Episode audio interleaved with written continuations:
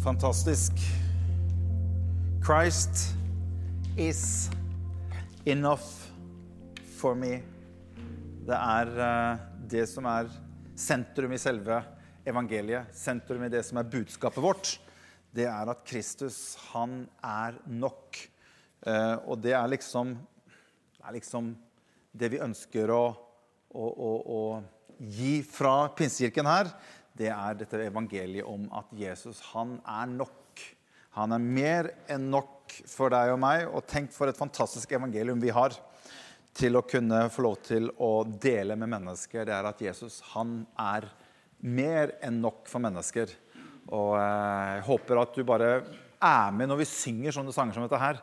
Og bare er med og bekjenner det sammen med oss. At Christ is enough. Christ is enough for me. Bra. Vi skal ta oss og be litt før vi skal eh, gå inn og dele litt det som vi skal eh, ha sammen i dag. Kjære Jesus, takk for at du er her. Takk for at du akkurat nå har fylt massevis av stuer og kjøkkener og uansett hvor mennesker er som lytter til dette. Takk for at du har bare fylt alle til stedene med din nærhet og din tilstedeværelse. Jeg takker deg bare for at du er den som fyller alt i alle. Takk for at du er alle steds nærværende. Takk for at du er uten tid, du er uten sted, du er uten rom. Takk for at du beveger deg der hvor ditt ord blir forkynt. Du beveger deg der hvor vi setter deg i sentrum, og der vi tilber og der vi opphøyer deg. Der er du, Jesus. Takker deg for alle mennesker som ser på noe, som lytter til. Jeg ber om at du skal røre med mennesker som trenger deg til et eller annet som, som, kanskje er tungt eller som er vanskelig. Kanskje det er smerte, det er sykdom. Kanskje det er mennesker som føler at tiden er tung, tiden er vanskelig. Takk for at du er mer enn nok, Herre. Jeg bare ber om at du kommer over mennesker akkurat nå med din nærhet og med din kraft, og at du rører med mennesker i dette øyeblikket, Jesus. Det takker jeg deg for. Takk for at vi har de ting som vi ber deg om, Jesus. I Jesu navn. Amen. Amen. Bra. Eh, håper dere har satt dere godt til rette. Vi har jo startet en, eller vi starter nå i dag en eh, ny serie på, i tre deler som vi har kalt for 'Kan vi tro på Bibelen'? Eh, og det er litt sånn, I den teksten så har, det står ikke 'Kan vi tro Bibelen', men det står 'Kan vi tro på Bibelen'. Og Vi skal forklare det litt, litt senere. Men det er tre søndager som vi skal ha. Jeg skal ha denne søndagen, og så skal jeg ha neste søndag. Og så kommer Karl Inge Tange, som kanskje noen av dere kjenner til. Han skal komme og så skal han rydde opp de tingene som jeg har sagt feil, eller som ikke blir helt riktig. Så kommer han og liksom setter liksom ting i rette skikk, som det heter. Så tar han siste søndagen. Og det gleder vi oss til. Jeg har bare også lyst til å si at uh, vi har en egen e-postadresse som du kan benytte hvis du har spørsmål som du lurer på, som du syns er tricky, som du syns er vanskelig, som du ikke helt skjønner med Bibelen, noe sted i Bibelen, et eller annet som du syns det, det her skjønner jeg ikke så har vi, et, eh, har vi en e-postadresse som heter bibelen at pinsekirken.org. Det kan du sende inn til oss. Og så kommer vi senere til å ta noen av disse spørsmålene som kommer inn, og så kommer vi til å prøve å gi et godt svar tilbake på en del av de spørsmålene som, eh, som kommer inn. Men vi skal eh, dele litt sammen her. Vi skal begynne med del én i dag, og vi har kalt dette for 'Kan vi tro på Bibelen?' Og hvis jeg, hvis jeg spør deg nå sitter det noen sånne her, eller hvis jeg spør deg hjemme Hvis noen spør deg hvordan kan du vite at det som står i Bibelen, er sant? Hvordan kan du tro på Bibelen? Hva svarer du da? Hva, hva, hva, er responsen din tilbake hvis noen spør deg hvordan kan du vite at det som står i Bibelen, er sant? Jeg tror Noen ganger er det veldig greit å stille seg selv det spørsmålet. Og kanskje, kanskje si, få noen ting som gjør at vi kan svare tilbake på en god måte. Og det er Noe av det som vi ønsker å gjøre de tre søndagene her, det er på en måte å gjøre oss litt mer klar over hva ligger det i dette med å tro på Bibelen. Jeg har jo et svar som jeg eh, har brukt mye. Som jeg tror mange av oss har brukt mye opp igjennom. Når folk spurte meg ja, hvordan kan du vite at det som står i Bibelen, er sant. Morten? Og Da svarte jeg ofte at jo, fordi at eh, Bibelen sier det. Ok? Eh, det hjelper jo egentlig ikke så veldig mye at liksom noen bare sier at eh, jo, det står i Bibelen at det er sant. Men det er en del av sannheten at noe står i Bibelen. Og det skal vi også komme litt tilbake igjen. Så jeg håper at dere tar disse tre søndagene og følger med. Kanskje dere må til og med gå tilbake og se det om igjen, for det kommer en del informasjon som kan være veldig bra for deg å ha med i den troen vår rundt dette som har med Bibelen. Og vi har et år hvor vi fokuserer mer på Bibelen enn noen gang, og det er veldig, veldig bra. Eh, nå har jo vi forskjellig forhold til Bibelen. Veldig mange av dere som ser på, vi har forskjellig forhold til denne boka. her. Jeg vet ikke hvilket forhold du har til den. Eh, jeg er jo vokst opp i et hjem hvor Bibelen var en sentral del av hjemmet vårt. Så det var ikke uvanlig for meg å se at mamma eller pappa satt og leste i denne bibelen. her. Så jeg er på en måte vokst opp med det. Eh, kanskje du har vokst opp med at du, kanskje, kanskje, du gikk litt på søndagsskolen.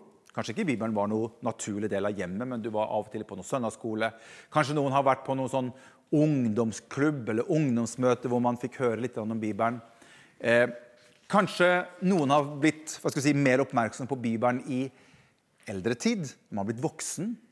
Da begynner man å få liksom, kontakt med Bibelen. Vi har veldig mange forskjellige, si, forskjellige forhold til Bibelen.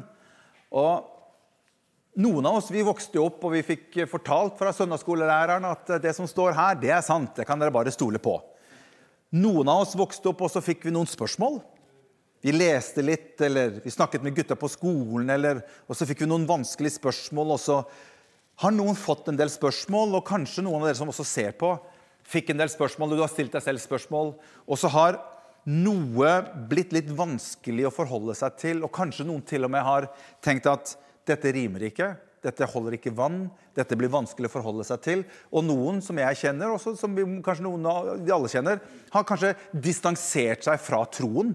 Nettopp fordi at man kjenner at det her holder ikke, det her rimer ikke, det, det går ikke opp for meg. Og så distanserer man seg litt fra troen. Kanskje man ikke fikk noen gode svar på spørsmål som kanskje det fins gode svar på. Og så blir forholdet til Bibelen litt vanskelig eller litt utfordrende etter hvert som tiden går. For min del, som har brukt mye tid på Bibelen, og som bruker masse tid på Bibelen og studerer, så må jeg bare si at jo mer jeg sjekker Bibelen, jo mer jeg forsker i dette som har med Bibelen å gjøre, jo mer blir jeg trygg og sikker på den. Så jeg tror at det er en, en, noen ganger så er det litt sånn informasjon som hva skal vi si, vi får med oss i, i det å, å, studere og lese Bibelen. Men jeg tror det er sunt. Jeg tror det er sunt å sette søkelyset på denne Bibelen her. På innholdet. Holder det vann? Er det sant, det som står her? Og videre. For vår egen del, for vår egen tro. For én ting er bare historien om David og Goliat. Den er kjempefin.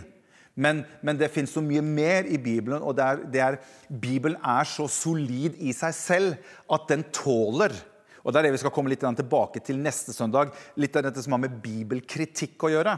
Kanskje dere har hørt om det som har med bibelkritikk. Det er at man setter et kritisk søkelys på nettopp det som står i Bibelen. Holder det vann? og Det skal vi komme inn på, på litt på neste, neste søndag. Men vi skal ta utgangspunkt i et skriftsted. Jeg må komme i gang her, ellers jeg har så utrolig mye på hjertet. Så vi må bare komme i gang med, med det jeg ønsker å, å, å, dele med dere. Men vi skal ta utgangspunkt i et skriftsted som står i 2. Timoteus kapittel 3 og vers 16. 2. Timoteus kapittel 3 og vers 16. Der står det Vi, vi var egentlig litt innom det eh, forrige søndag, var det ikke det, når vi hadde familiegudstjeneste og vi hadde denne fantastisk fine Bibelen her. Da leste vi en del av det som, som står her. Men her står det hele Skriften, hele denne boka her, sier Paulus, hele Skriften er innåndet av Gud og den er nyttig til lærdom, til overbevisning, til rettledning og til opplæring i rettferdighet, for at Guds mennesker skal bli satt i stand og godt utrustet til all god gjerning. Det er ett nøkkelord som egentlig står når Paulus skriver det. Han sier at hele Skriften er innåndet av Gud. Det greske ordet som står her, det er et ord som heter theopnaustos. Det er den eneste gangen i Nytestamentet på gresk at dette ordet brukes. Theo, for dere som kan Jeg kan ikke så mye gresk, men jeg vet at ordet theo på gresk betyr Gud. Og pnaustos, eller pnauma, det betyr å blåse. Så det Paulus sier her til Timoteus, han sier at hele Skriften sier han, er innblåst av Gud. Og det er et veldig greit utgangspunkt når vi skal på en måte, hva skal vi si, forholde oss til Guds ord. Og Derfor er det litt interessant når vi snakker om at liksom, Gud bor i hjertet vårt, og jeg tror på Bibelen, og jeg tror på Gud, så er det også med et utgangspunkt at noe har skjedd i livene våre. Noe av det som står her, har blitt en virkelighet i livene våre. Derfor så sier jeg at jeg tror på Gud fordi at jeg har opplevd noe i livet vårt. Vi skal komme litt til, tilbake til det.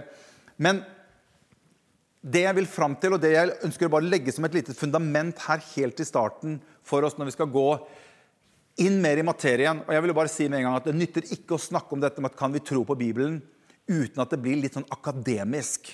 Og Jeg håper at dere har at dere har tålmodighet og overbærenhet med at vi kommer til å gå litt mer sånn akademisk inn i stoffet, og det blir enda tøffere neste søndag. Da skal vi skikkelig akademisk inn i stoffet for å se hvordan disse tingene her henger sammen.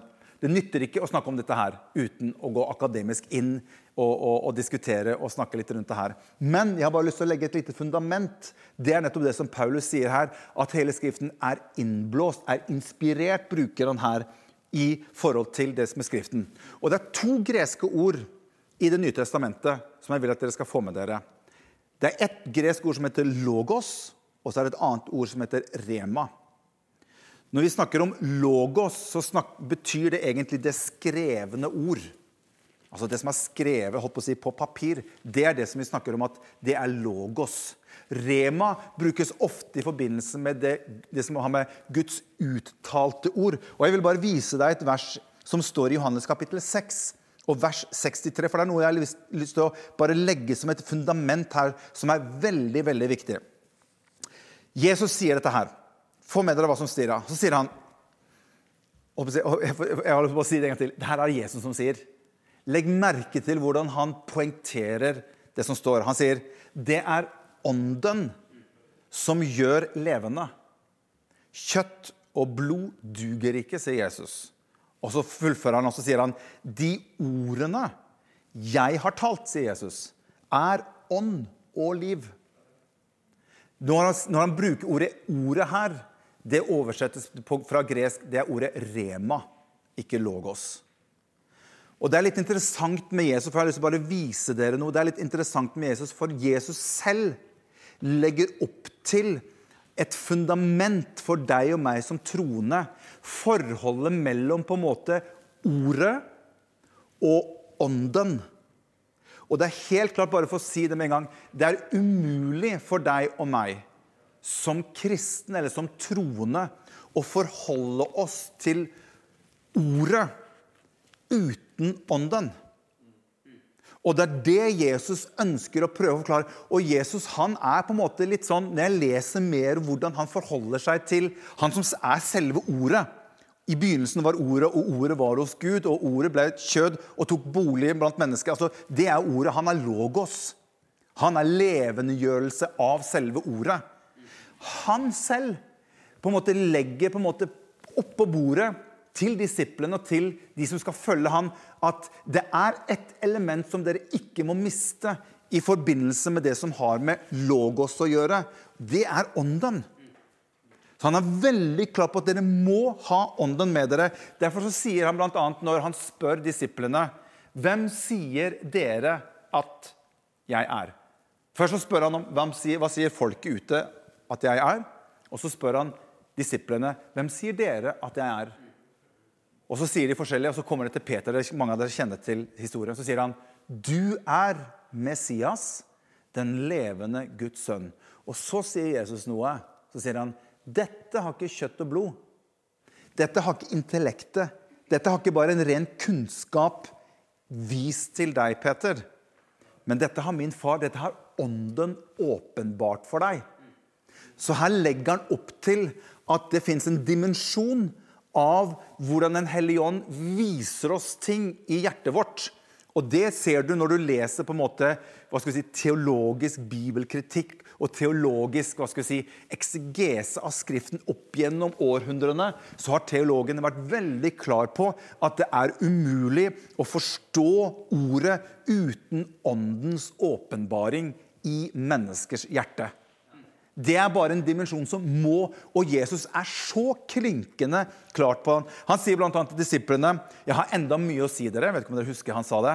Jeg har enda mye å si dere, men dere kan ikke bære det nå. Men så sier han, men når han kommer, Da henviser han til en hellig ånd. Når han kommer, så skal han vise dere. Han skal forklare dere, og han skal veilede dere, og han skal vise dere sannheten. Hvem er det han? Jo, det er Den hellige ånd. Når han skulle komme, så sier egentlig Jesus at Den hellige ånd vil være en så viktig del av dette med å få en forståelse av det som står her. Det er som om Jesus sier at uten ånden så blir dette bare bokstav. Og Dette diskuteres også teologisk opp igjennom. Er det noe magisk med ordene som står her, i kraft av seg selv? Kanskje vi kommer litt inn på det eh, neste søndag. Eller kanskje Karl Inge Tangen tar det, for det er litt sånn vanskelig teologisk. Men, men det diskuteres. Men Jesus han er veldig klar på at det er noe med dette med hvordan Ånden viser oss ting i Guds ord.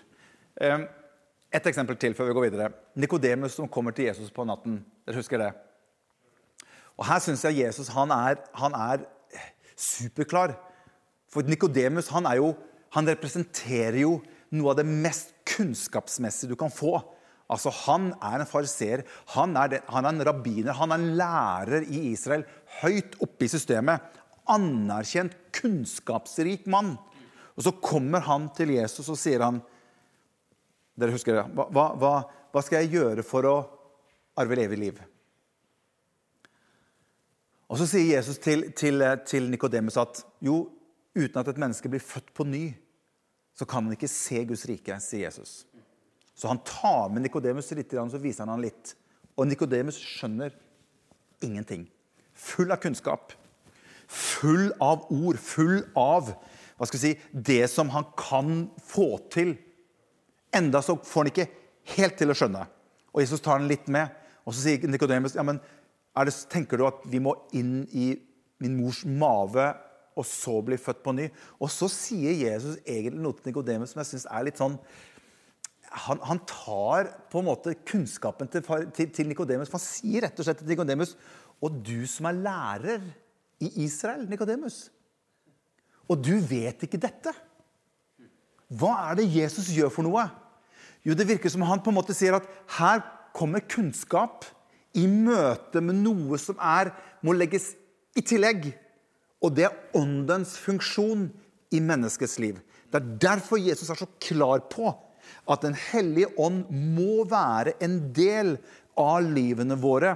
Og jeg, jeg sier det sånn Måten jeg blir kjent med Gud på, det er gjennom Guds ord ved Den hellige ånd. De to tingene må være i sammen. Derfor har jeg skrevet her Den hellige ånd må være en del av vår tilnærming til Guds ord. Derfor står det at ordet om korset husker du Paulus sa det, det er en dårskap. eller det, er, det høres bare dumt ut for den som går fortapt. Men for den som tror, er ordet en Guds kraft til frelse. Det er veldig, veldig bra. Henger det med? Bra. Men, jeg, jeg, men, vi skal jo se på denne her boken her i seg selv. Nå går tida veldig veldig fort. Så vi skal bare, vi skal bare gå veldig fort av gårde her. Denne boken her er jo helt unik i seg selv. Jeg tror på hele denne boken her. Jeg tror hele denne boken her er inspirert. Jeg tror alle ordene som står i denne boken her, er fra Gud.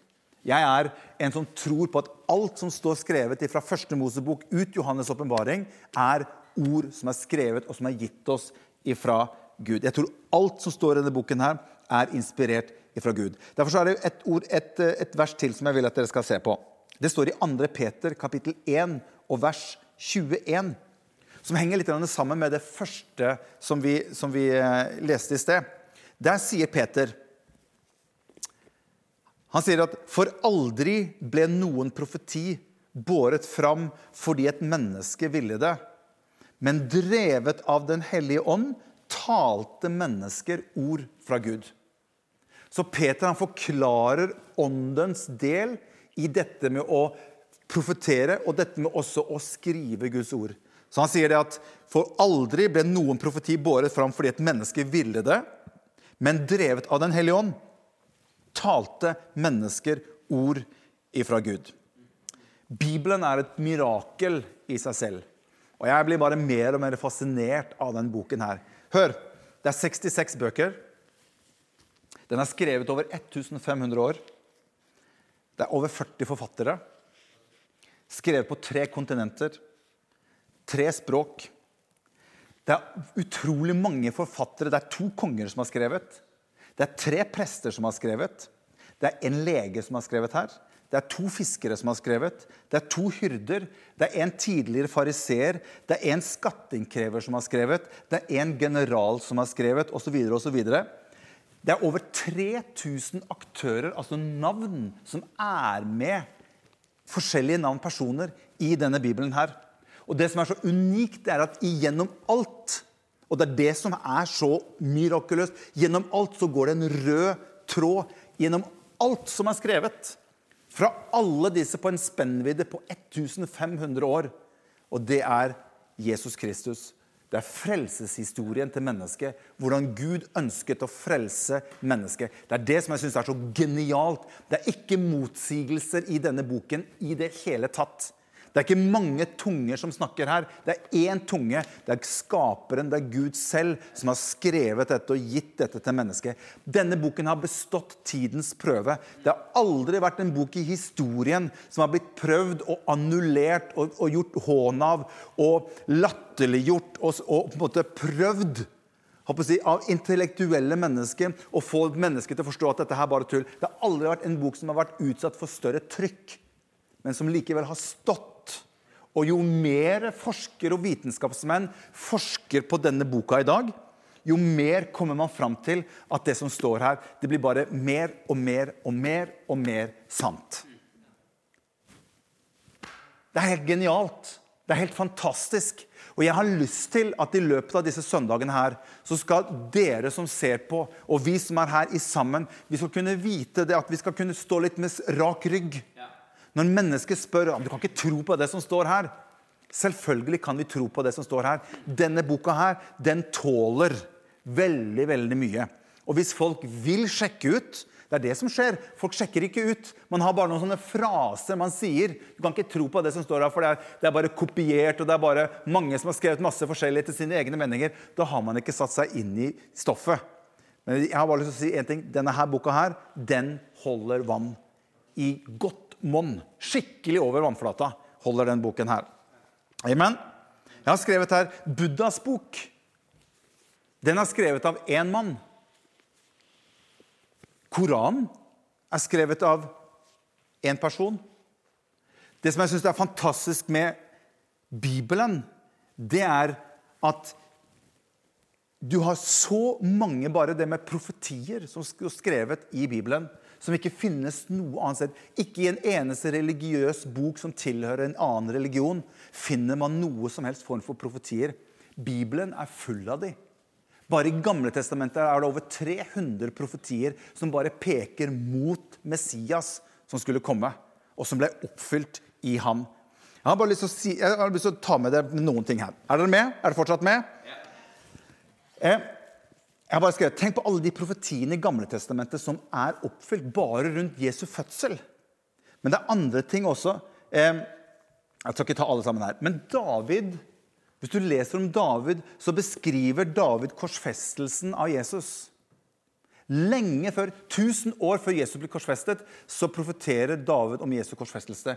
Han profeterer om korsfestelse som en måte å bli straffet på 500 år før den første i det hele tatt ble korsfestet.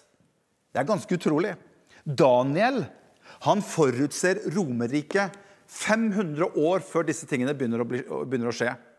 Daniel han beskriver dette store riket som blir delt i fire. Jeg vet ikke om dere kjenner til Alexander den store og hans jeg har sett, Kanskje har sett den filmen. Alexander den store. Daniel beskriver dette store riket som blir delt som, som det, han, han, beskriver det som at som kommer raskt til en ende, sier Daniel. Som blir delt i fire. Og ut ifra de fire rikene så oppstår det to riker ute derfra. Og så blir de to rikene til ett stort rike og så skal Messias komme. Dette skriver Daniel. Og Det er akkurat det som skjer med Aleksander den store. Han blir drept når han er 32 år gammel. De fire generalene til Aleksander den store de deler riket hans mellom seg. Og De fire rikene blir til to riker, som igjen ender opp i Romerriket. Og forskere og historikere er forbløffet over nøyaktigheten til Daniel, som skriver dette her 500 år før det skjer. Jeg syns det er eh, Jeg blir, jeg blir eh, imponert. Eh, for en del år siden var det en matematiker og en astronom. Professor som heter Peter Stoner han gjorde en matematisk sannsynlighetsberegning. Hvor han tok bare åtte Messias-profetier. Vi har 300. Han tok bare åtte av dem. Og så gjorde han en sannsynlighetsanalyse på hva er sannsynligheten for at disse profetiene i det hele tatt kan skje. Så han kjørte dette matematisk og prøver å komme fram til en matematisk si, analyse av det. Og han kom fram til et ganske stort tall. Jeg tror vi får det på, på, på skjermen. Da tok han bare åtte Messias-profetier, og han kom opp til at tallet var ti opphøyd i 17. Det er ganske mange nuller. Jeg prøvde bare å gjøre en sånn egenanalyse av det, bare for å få, få det opp, si, overført en litt sånn, mer sånn praktisk eh, måte å tenke det på. Og Da fant jeg ut at hvis du setter deg på toget fra Oslo og du skal kjøre til Trondheim, så har du bind for øynene, og du får en krone i hånden din, og du har et vindu som er åpent på toget. Og langs med togskinna fra Oslo til, til, til Trondheim så står det én bøtte som er 20 cm i diameter. Og du skal holde hånden ut vinduet fra Oslo til Trondheim. Og i løpet av turen så satser du på å slippe mynten, og den treffer oppi bøtta. Like stor sannsynlighet er det for at disse profetiene skulle gå i oppfyllelse på den måten. Det er, det er nesten umulig hvis du ikke er Gud og ønsker og har en plan. Hør til slutt. Jeg har nå bare noen spørsmål. For Hvis vi snur på det, og så sier vi at Jesus han bare måtte være en løgner, han måtte være bare en som laget til noe, så har jeg lyst til å stille dere noen spørsmål. Jeg har lyst til å stille dere hjemme noen spørsmål. Hvordan fikk Jesus det til å bli født i en bestemt by der foreldrene ikke bodde? Det er ett spørsmål. Du kan spørre deg selv. Hvis, hvis, hvis, hvis det her var bare lureri, hvordan får han det til det? Spørsmål nummer to. Hvordan ordnet han, eller hvordan greide han å få til sin egen død? Og spesifikt korsfestet med to andre. Disse tingene her var profetert om i forkant. Åssen greier du å få til det? Spørsmål nummer tre. Hvordan kunne Jesus legge til rette for at bødlene, de som avrettet han, skulle kaste lodd om klærne hans, som det også var profetert om at de skulle gjøre. Spørsmål nummer fire, og det siste, så skal vi synge litt sammen. Hvordan kunne Jesus greie å komme tilbake til livet akkurat den dagen han hadde sagt han skulle komme tilbake? Hvis han bare var en løgner. Det er helt umulig. Hvordan får han til det? Jo, fordi han er Guds sønn. Fordi han er Gud. Derfor så får han til det. Kan vi tro på det som står her? Absolutt kan vi tro på det her. Så vi skal få frem sangerne og musikerne. Og jeg har, jeg har ønsket meg en, en, en, sang som vi skal synge sammen. Jeg vet ikke om, om, om dere som sitter hjemme, eh, kan den sangen, men det er en sang som heter Your Word. Og hvis du kan den, så vær med og syng på den. og Få med deg teksten. Hvis du ikke kan sangen, så vil jeg veldig gjerne at få med deg teksten i denne sangen som handler nettopp om dette ordet som vi har så kjært alle sammen. Og Jeg bare vil at du skal sette deg ned, få med den teksten og få med den sangen, og så skal vi komme tilbake etterpå.